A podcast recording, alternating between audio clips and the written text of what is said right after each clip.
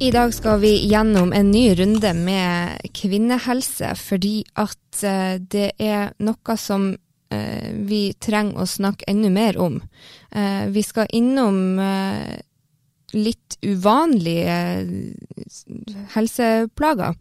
Jeg har med meg en gjest i studio som fikk hjerteinfarkt midt oppå keiserverden fordi symptomene ikke var til å kjenne igjen pga. at de settes etter menn.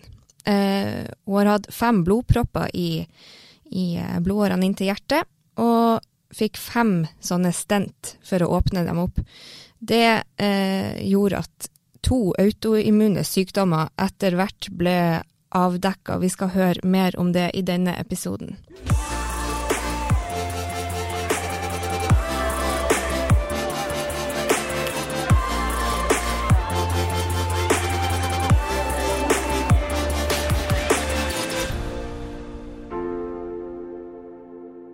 Hei og velkommen til en ny episode av Høylytt med Victoria. I eh, dag så har jeg Kristine Engan i studio. Hun er 43 år, fra Bodø, og veldig mange kjenner til henne fordi hun har vært utrolig aktiv i bybildet. Eh, per nå er hun instruktør og personlig trener på Rapida. Og eh, hovedjobben hennes er jo folkehelsekoordinator i Bodø kommune. Men eh, ironisk nok, selvfølgelig, eh, i og med det hun skal eh, fortelle om i dag.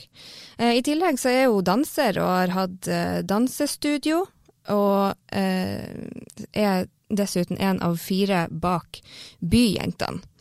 I tillegg så står hun også på lista til Høyre.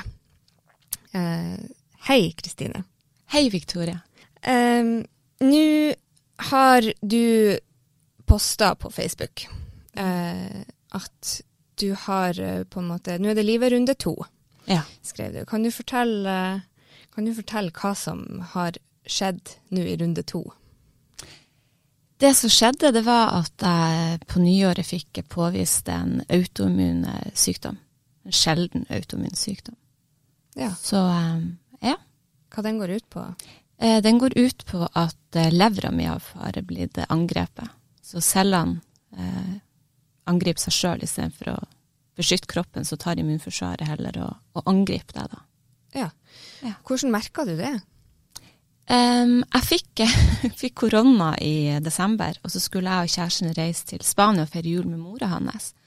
Og så uh, var jeg redd for at jeg hadde fått lungebetennelse, for jeg hadde liksom vondt i brystet. Tenkte det var litt kjipt å reise til Spania med lungebetennelse. Så uh, da tok jeg kontakt med fastlegen, og bare han kunne lytte litt på meg, for jeg sa at jeg hadde vondt i brystet.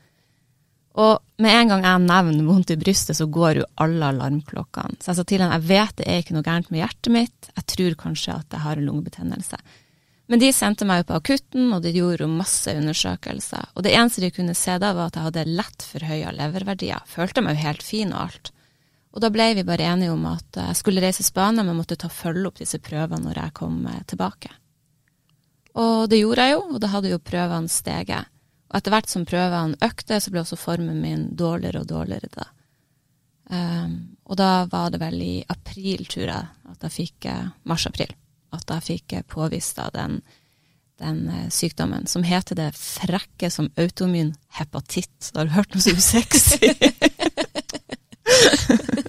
og det var det frekkeste navnet jeg har hørt. Uff. Ja. Uh, hvordan var det å få den beskjeden? Nei, Nei, altså, herre fred, hva man skal si. Vet du hva, når jeg var sånn i 30-årene, jeg jeg har jo tre barn, og, så har jeg liksom helt hørt at 40-årene, det, det, er det skitt. 40-årene er så bra, for da har du betalt ned gjeld, du, du, har bra jobb, ungene begynner å bli store, du kan altså begynne å realisere deg sjøl igjen. Jeg bare gikk inn i 40-årene med en og en halv måned etter jeg ble 40, så ble jeg skilt. Og så gikk det noen måneder, og så kom det en pandemi. Så gikk noen måneder, så fikk jeg hjerteinfarkt. Det er jo helt ironisk. Det er tragikomisk. Rett, så foreløpig er du altså ikke imponert? da? 40-årene har ikke imponert meg, nei. så jeg får vente på 50, kanskje. Kanskje du er heldigere da? Ja, kanskje. Jeg kan i hvert fall ikke bli uheldigere, tenker jeg. For det, dette er rett og slett eh, eh Det er jo to autoimmune sykdommer jeg har fått, og den ene det er 0,5% av Norges befolkning som har den. Det er en sånn, eh, Den heter lupus-antikologan, som gjør at blodet plutselig levrer seg. Det var det som gjorde at jeg fikk hjerteinfarkt. for at Det skjedde en reaksjon inni blodårene mine der det kom fem akutte blodpropper. da. Um, og av de 0,5 av Norges befolkning, så er det bare 0,25% som faktisk får blodpropper. Så jeg var heldig med den, da. Og så den her uh, autoimmune hepatitten, det er en av 100 000 som får. Så ja. ja. To vinnerlodd. Altså det, ja. Kunne ikke du heller brukt den flaksen til å vinne i Lotto? Ja, jeg har inne fast hver fredag på Eurojackpot. så Ja. Bare at mm. ikke du har brukt opp det da på feil sted. ja. Nei, huff. Ja. Ja, så eh, det, den her, eh, den som du nevnte, den der koagulant eh, autoimmune sykdommen, ja. eh, den visste jo ikke du om før du, før du, havna i Tromsø. Ja, det tok nesten et halvt år før de klarte å finne ut, for at det var ingen som forsto hvorfor jeg skulle få hjerteinfarkt, som har gjort alt etter boka. Ja. Så jeg var jo feilmedisinert i fem-seks måneder før de fant ut grunnen til hjerteinfarktet. Da. Så nå går jeg jo på en medisin som heter Marevan som gjør at blodet bruker lengre tid på å, å koagulere seg, altså å levre seg. Det vil si at når jeg begynner å blø, så tar det mye lengre tid før det stopper å blø enn hvis du begynner å blø da. Mm, ja, for det er blodfortynnende? Ja, det er en slags blodfortynnende, men det er ja. ja. Mm. Og det kan jo være litt sånn krise hvis du detter og slår deg eller noe. Mm. Så det må ah. du sikkert være forsiktig med. Ja. Mm. ja. Eh, når, du, eh, når du fikk det hjerteinfarktet, så vi har jo skrevet om det her før, men uh, da, du, da, du, begynte å kjenne på symptomene, så var du bare sliten, så du tenkte kanskje ikke over at det her kunne det være noe du burde mm. sjekke ut. Så du gikk tur med ei venninne og ungene på Keiserverden, var det det? Ja, ja Bestefarverden. Bestefarverden var det. Enda lettere tur. ja. kan ikke du fortelle litt om hvordan symptombildet ditt så ut den dagen? Ja, Nei, jeg våkna som helt vanlig, ordna oss og skulle gå ut. Så, det, når du går opp til Bestefarverden, så går du egentlig litt rett på stigning, da, sånn at du får automatisk litt høy puls med en gang. Um, men jeg kjente han var kanskje litt uvanlig høy denne dagen. Men det var jo varmt og fint vær, og så så han jo på venninna mi, som er godt trent, hun er sånn som springer én mil hver dag. Så jeg hun Tove, hun pusta nå litt, hun også. så ja, det her, det, det er innafor. Eh, men så ble det bare Nei, vi møtte ei på veien, og da ble det en naturlig stopp. Og så jeg tenkte sånn, gud så deilig at den pausen der kom. For jeg syntes det var litt flaut. Jeg kunne ikke si til Tove at denne turen var jo kjempetung. Um, nei, og kanskje svetta litt mer enn normalt. Men så tenkte jeg, drakk jeg vin i går. Du Begynte sånn å tenke tingene, for det er jo en sommer. Du tar så tar det jo kanskje et glass vin om kvelden. Og. Nei, gikk vi nå opp, og når vi da skulle begynne å gå ned, da kjente jeg at jeg begynte å få sånn kaldsvette gjennom kroppen. Kjente også at det kom litt sånn strålinger opp, eh, opp i kjeven, og litt sånn lett press kanskje i Nei, mellomgulvet kanskje, jeg er ikke helt sikker på det. Og så litt sånn kvalm. Men eh, og så litt sånn vondt mellom skulderbladene. Men eh, som danser da, eh, så har jeg vært plaga med ei låsning i ryggen, så jeg trodde bare at jeg hadde fått en sånn låsning i ryggen. For det var ikke noe vondt. Det var egentlig bare litt sånn ubehagelig. Så jeg sa til Tove at kan ikke du bare ta jentene med hjem, og så begynner dere å lage lunsj, og så eh, ring bare jeg legen min bare for å uh, få knekt opp den ryggen. Og så dro jeg hjem, og så er jeg jo liksom jålete, ingen hemmelighet. Så jeg gikk jo i dusjen, sminka meg og alt sammen.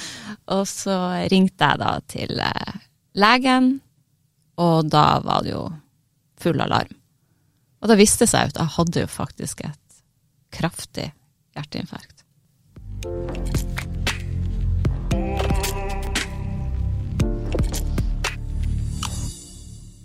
Etter en hel eh, dag med eh, Altså når, man sitter og sminker seg med hjerteinfarkt, så da er man uh, god. Og da er det sånn at kanskje symptomene man kjenner til, ikke stemmer helt. Kristine hun havna i Tromsø til slutt, der, der, de konstaterte akutt blodpropp. eller det, de konstaterte vel det i Bodø før de sendte det av gårde, men blodpropp i hjertet årene inn til hjertet. Og eh, etter et halvt år en eh, autoimmun sykdom.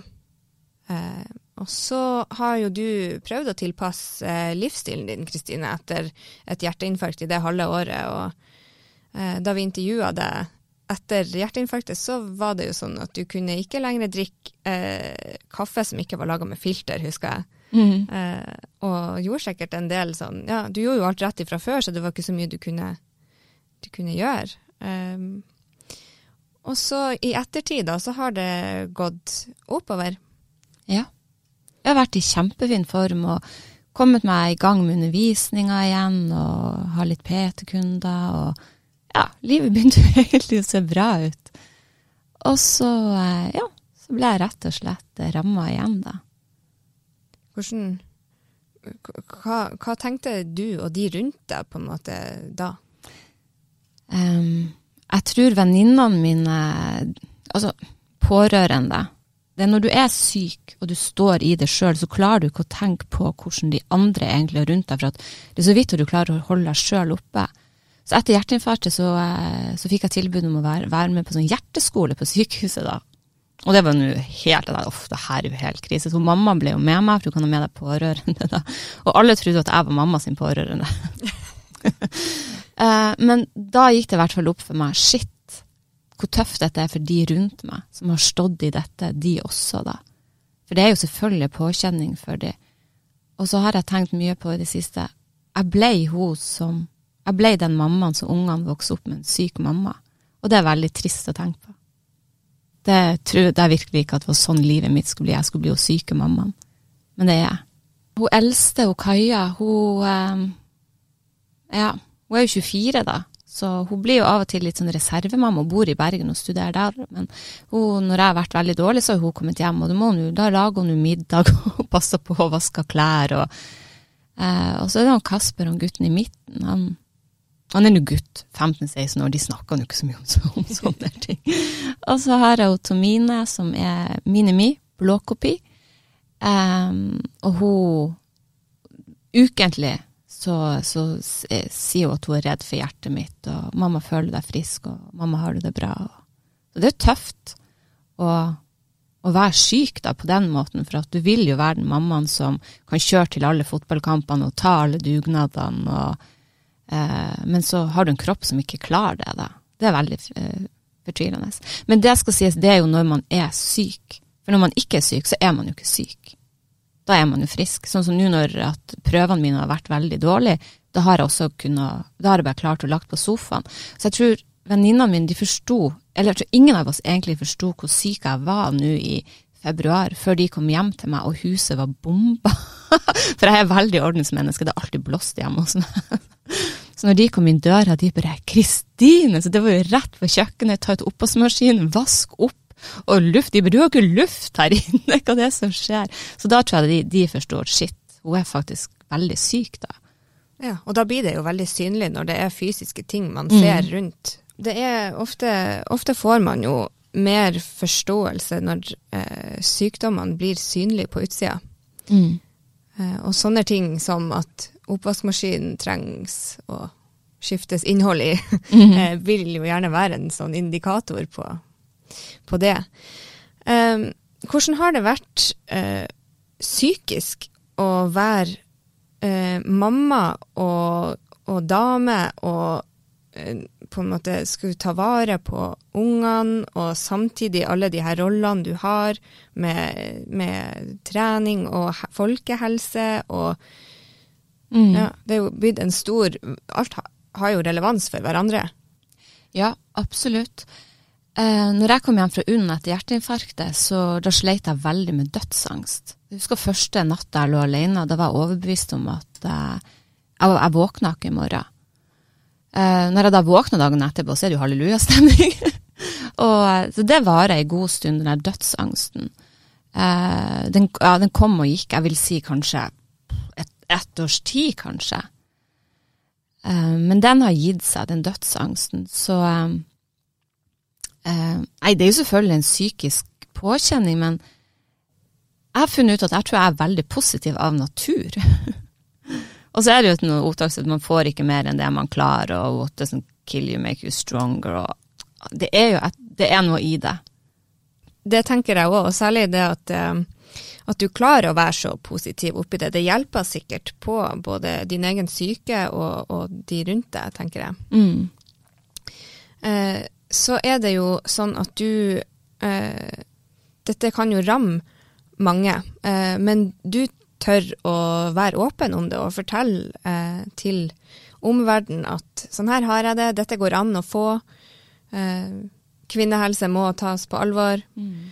Eh, så du skrev jo i den Facebook-posten din når du skulle fortelle dine, din omgangskrets om eh, livet runde to, Mm. så, eh, så skrev du jo det at eh, kvinnehelse må tas Mm. på alvor, og det må forskes på nå. Hva, hva mener du at vi bør, bør på en måte gjøre først? Ja, hva må vi gjøre først? Det første vi må gjøre, er at vi kvinner er kvinner verst.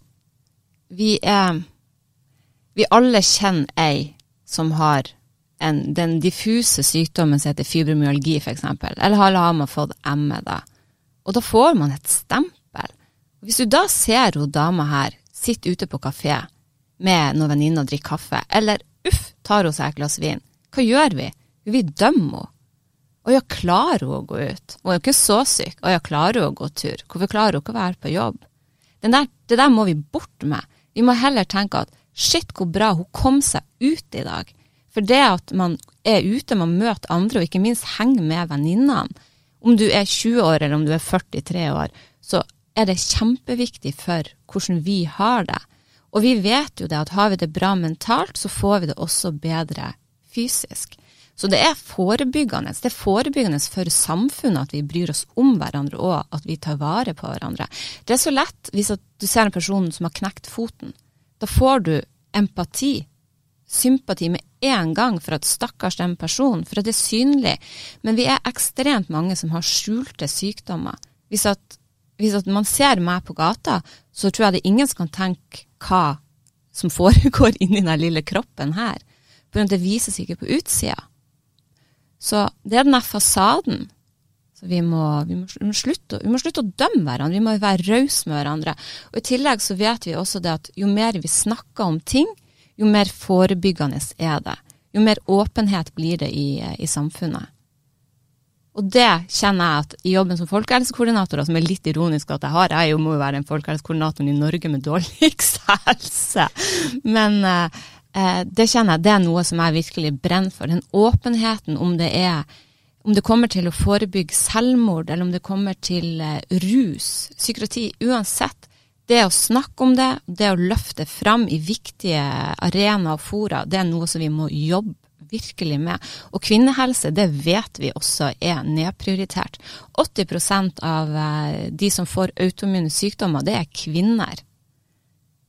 Og det forskes mye på det, men man klarer ennå ikke å finne ut hvorfor blir man ramma? Hva er det egentlig som skjer? Man vet at det er en kombinasjon av genetikk og miljø, men man finner liksom ikke ut eh, hvorfor. Og garanterer hvis prosenten har vært omvendt, det var 80 menn som fikk det. Av dæken, da hadde de knekt den koden for lenge siden. Ja, det sier jeg ganske ofte her i, i Høylytt, at uh, hadde det her vært menn, så hadde det, altså om det gjelder endometriose eller andre ting, så, så hadde det vært en kur allerede i 40 Mm. år. Ja. Eh, helt kurert, nesten. Sånn. Det blir kanskje litt satt på spissen.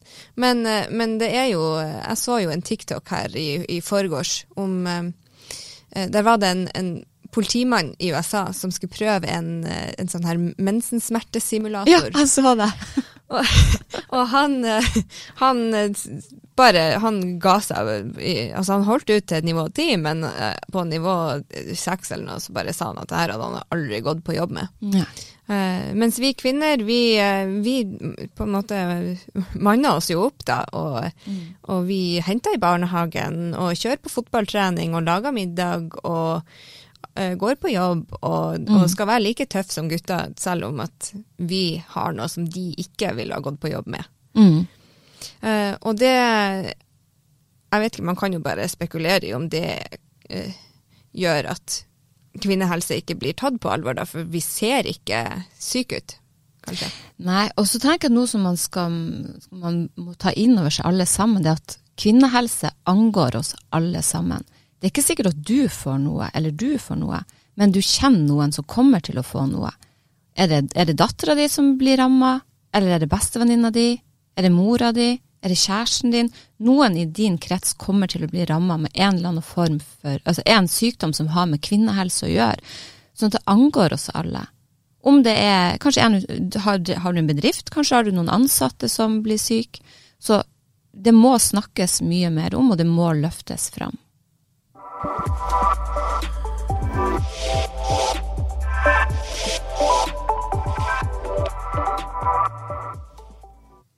Kristine, du har eh, masse du holder på med. Eh, du, eh, som jeg var inne på innledningsvis, så har du en fulltidsjobb, og du har gjort en masse andre aktiviteter i ditt, hele ditt liv. Alltid vært, vært i aktivitet og drevet med, med fysisk aktivitet.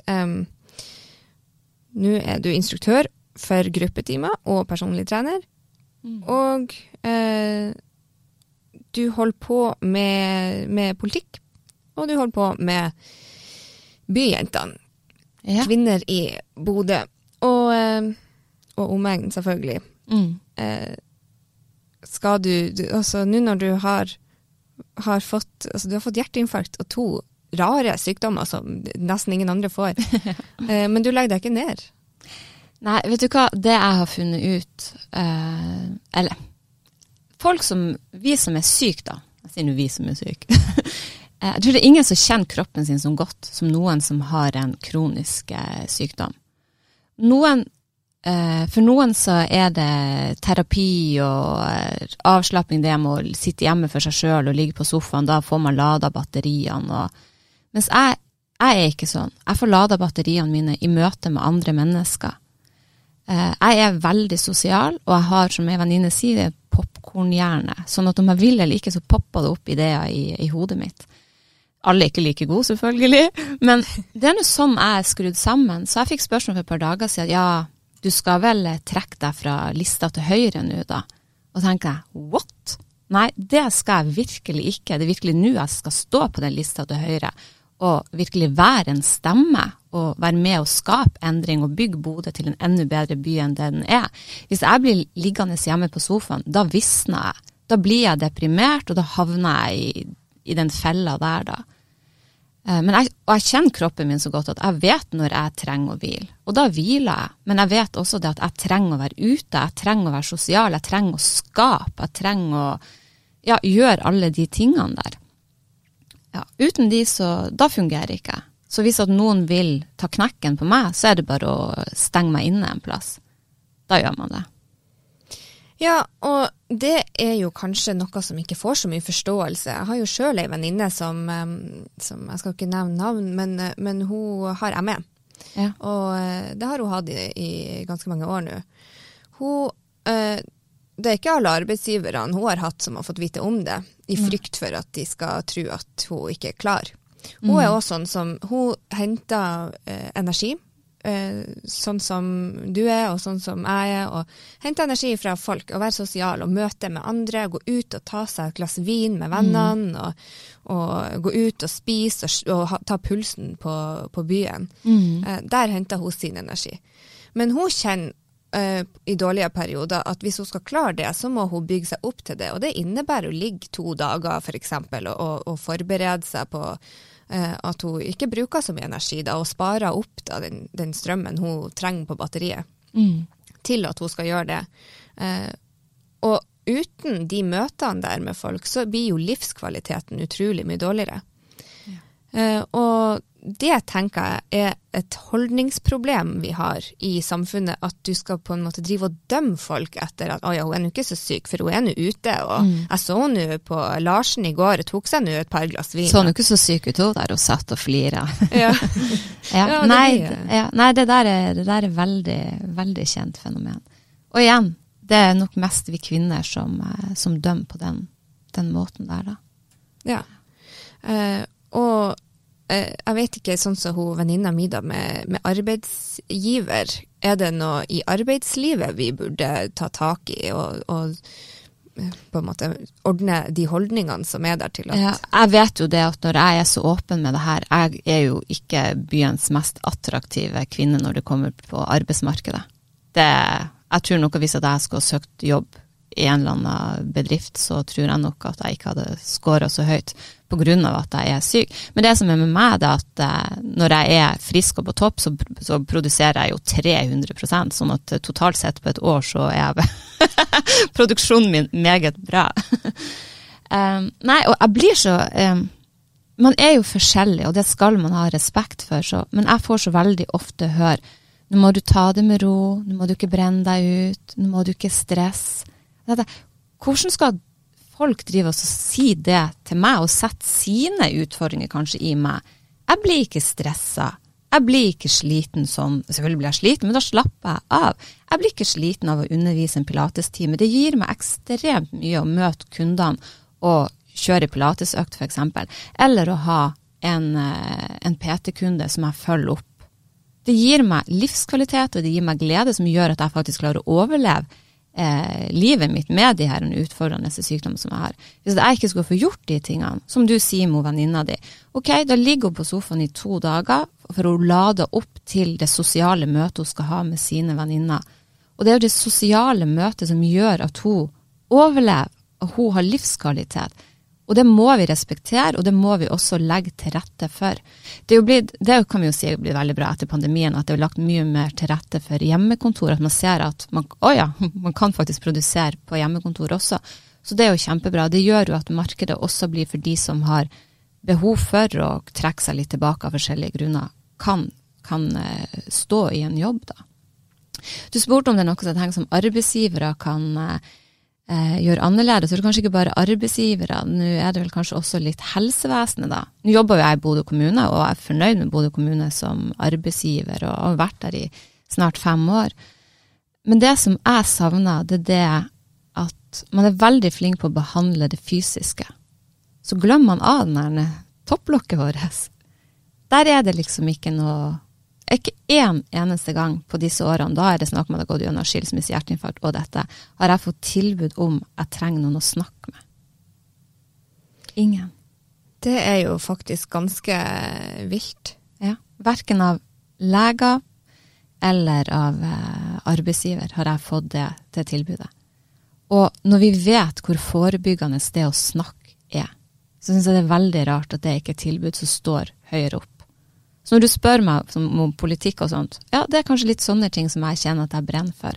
For vi vet at ekstremt mange hadde hatt det mye, mye bedre og kunne gitt tilbake til samfunnet bare ved å få snakka og møte andre. Vi har ikke lavterskelsamtalegrupper i Bodø, f.eks. Hvor mange er vi ikke som skiller oss i løpet av et år? Tror vi at vi kunne hatt ei, ei samtalegruppe for nyskilte damer Herregud, det kunne vært helt fantastisk. Skulle jo grått og flira og snakka drit, drit i lag. Det er jo terapi som hjelper oss gjennom en prosess.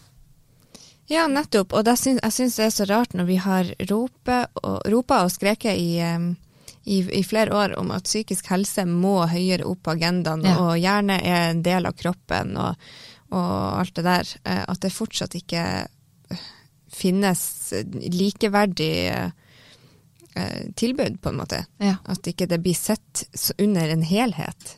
Ja, nei, det er veldig rart.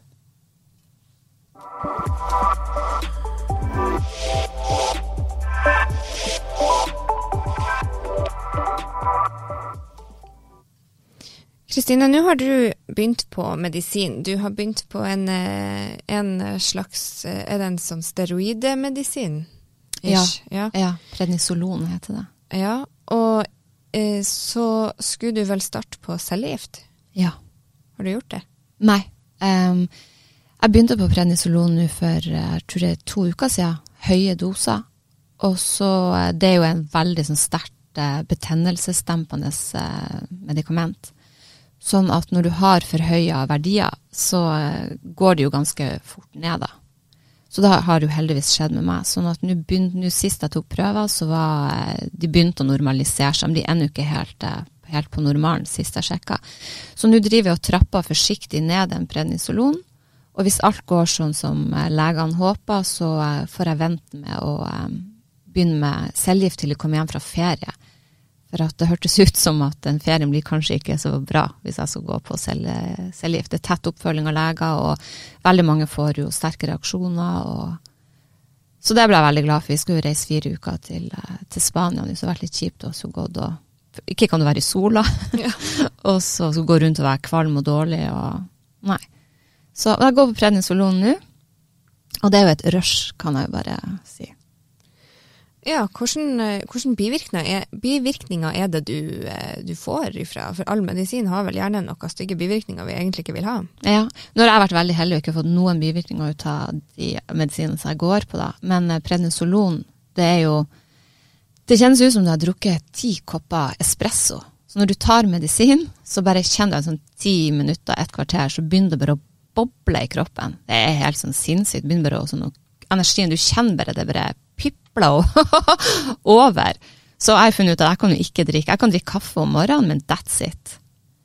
Eh, Så jeg blir veldig sånn eh, opp, jeg kan si, oppstemt. Blir, sånn lite, du blir litt high. En venninne sa til meg 'Kristine, jeg hører du snakker fortere'. ja. Og så er det jo eh, Men du har jo også Du har to sider av prednisolon, som jeg forstår det. At noen kan bli veldig nedstemt, depressiv, få eh, selvmordstanker. Hvis du sliter med angst, så kan de bli forsterka. Eh, heldigvis så fikk ikke jeg den reaksjonen, da. Men eh, jeg trodde jeg fikk den reaksjonen, for at det var vel på dag tre jeg begynte på medisin. Da fikk jeg meg skikkelig down. Da lå jeg, jeg lå bare inne og skreik hele dagen. Jeg kjente ingen livsgnist i kroppen.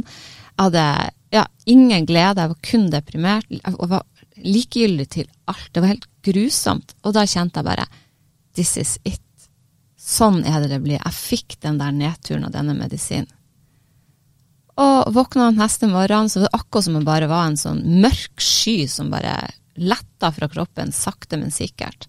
Og etter hvert som dagene har gått, så har bare positiviteten og meg begynt å komme tilbake, da.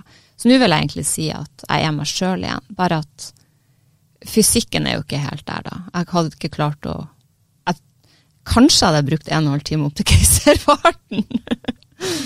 Ja. Ja. men det er det sikkert mange som eh, gjør, syk eller ei. Ja, ja da, det er nok så. Men eh, ja. Nei, men jeg håper jeg kommer meg dit, da. Eh, sånn. Om jeg noensinne blir å klare å komme meg tilbake sånn som jeg var fysisk før, det vet jeg ikke. Men eh, at jeg nå klarer å, å stå i undervisning til høsten, det er målet mitt. At jeg skal klare å ha være tilbake fullt på, i Bodø kommune og undervise noen timer på ettermiddagstid. Det det er målet mitt. Og det er viktig med mål. Ja, det er veldig viktig med mål, for da, det er òg, som vi var inne på, det er viktig for psyken at du skal ha noe å nå og ha noe å se frem til. Eh, så apropos at psykisk helse er viktig. Hvordan, eh, hvordan har responsen eh, vært ifra omverdenen på, på de eh, Facebook-postene som du posta når folk fikk vite om at eh, Ja. Nei, enormt støttende. Det, det er veldig godt å vite at eh, det er så mange der ute som heier på deg, da. Som ønsker deg, ønsker deg vel. Og så er det også veldig godt å få fortalt det, for at nå Hjerteinfarktet var jo ingenting som vistes på meg, men dette er jo faktisk noe som med vektøkning, og kanskje mister man håret og de tingene. Sånn at det vil jo kunne bli synlig, så tenkte jeg det kan være greit å bare informere da. Eh, og så er det også noe med det. Kanskje er det det som er min mission. Da. Kanskje skal jeg være den talsperson for tabuet og dritten som man ikke vil, vil løfte fram, da. Og har fått ekstremt mye meldinger fra kjente og ukjente som også sliter. Så eh, bare for å nevne én ting som vi gjorde i fjor, da tok jo byjentene sammen med Rapida og gikk ut og tilbød gratis trening til 14 damer i Bodø. Eller var det 12? Tror det var 12 damer i Bodø som skulle få gratis trening i fire uker. Alt de trengte å gjøre, var bare å sende oss en melding om hvorfor nettopp hun skulle få lov. da. Vet du, Victoria, vi fikk over 80 henvendelser fra damer i Bodø som åpna seg opp og fortalte sine historier, hva de sleit med. Så det endte med at vi klarte å presse grensa opp til, for det handler jo om begrensninger på lokalet, så vi fikk inn 16 damer fra 12 til 16, og da var det smekkefullt. Eh, og vi øker kurset opp til, eh, til seks uker. Men det sier meg bare det at eh, det, er et, det er et enormt behov der ute, og det er så mange som, som har det tøft. Og det er noe som man må ta på alvor, og man må gjøre noe med. Om det da er at det er Rapida byjentene som tilbyr gratis trening, eh, det er kjempeliten ting, og det koster sånn økonomisk så koster det ekstremt lite, men samfunnsøkonomien i dette er kjempe, kjempestor. Og tilbakemeldingene fra de, de damene som gikk på det, det, det kurset med oss, var bare helt hvor takknemlige de var. Men det å sitte og lese da over disse 80 mailene fra disse damene som åpna seg opp, det var, det var, så trist. Jeg satt og gråt når jeg leste det, for at det er så mange som igjen, som har det tøft. Og da, jeg forstår ikke hvorfor at vi ikke da støtter hverandre, hjelper hverandre, heier, vi er rause. Så driver vi heller og hakker hverandre ned. Vi er jo kvinner, vi skal jo heie hverandre opp og fram. Og så sykt bra at hun får det til, og hun får det til. Det er bare wow. Istedenfor så kommer den jævla janteloven og bare hva hun tror hun er for noe, og så kan hun stikke seg ut. 'Å, der er hun i avisa igjen', og herregud, har hun en mening igjen. ikke sant? Jeg syns det er bra at du, at du, inviterte meg hit på Høylytt, for jeg er jo faktisk høylytt.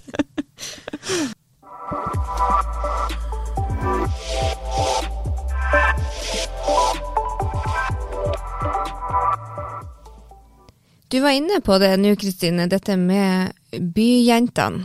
Eh, som eh, gjennom pandemien og, og ja, frem til i fjor da har egentlig ligget litt i dvale. Ja. Eh, men eh, det skal det kanskje ikke gjøre så veldig mye lenger. Nei, nå Nei, nå eh, gjør vi en comeback i august-september, og det blir sykt bra. Uten, at jeg skal røpe hva det blir for noe, men eh, Nei, vi er heltent styre. Vi har faktisk fått inn en ny, en til styre, ei dame i styret. Så nå er vi fem stykker i Byjenta. Eh, og vi har masse planer, og vi er heltent. Så vi har brukt den tida her på ja, herre fred. For det første så har vi nå hatt både Vi har nå slitt så mye der styret med kvinne, kvinnesykdommer og skilsmisser. To skilsmisser har vi hatt.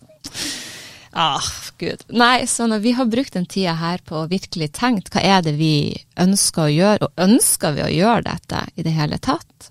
Og så nå er vi, vi er i gang med planlegginga. Så gleder oss skikkelig mye til å eh, lansere det i august-september. Så når du blir syk, da, det er da du virkelig setter inn giret og inn på lista til Høyre, i gang med Byjentene igjen, og, og som, ja, som, lå i dvale fra før du ble syk. Og, ja. Så det er jo veldig Det er jo, kan man jo si, inspirerende for Kanskje er det en sånn overlevelsesinstinkt. Jeg vet ikke. Ja, ja det kan det jo hende. At det, du vil jo sikkert uh, gjerne være med på uh, at du, å unngå at du blir liggende inne, ja. da, og derfor mm. kan det jo være godt. Ja. Vi, eh, vi takker for eh, følget her i eh, Høylytt med Victoria. Nå skal jeg ta meg en velfortjent, syns jeg sjøl, sommerferie.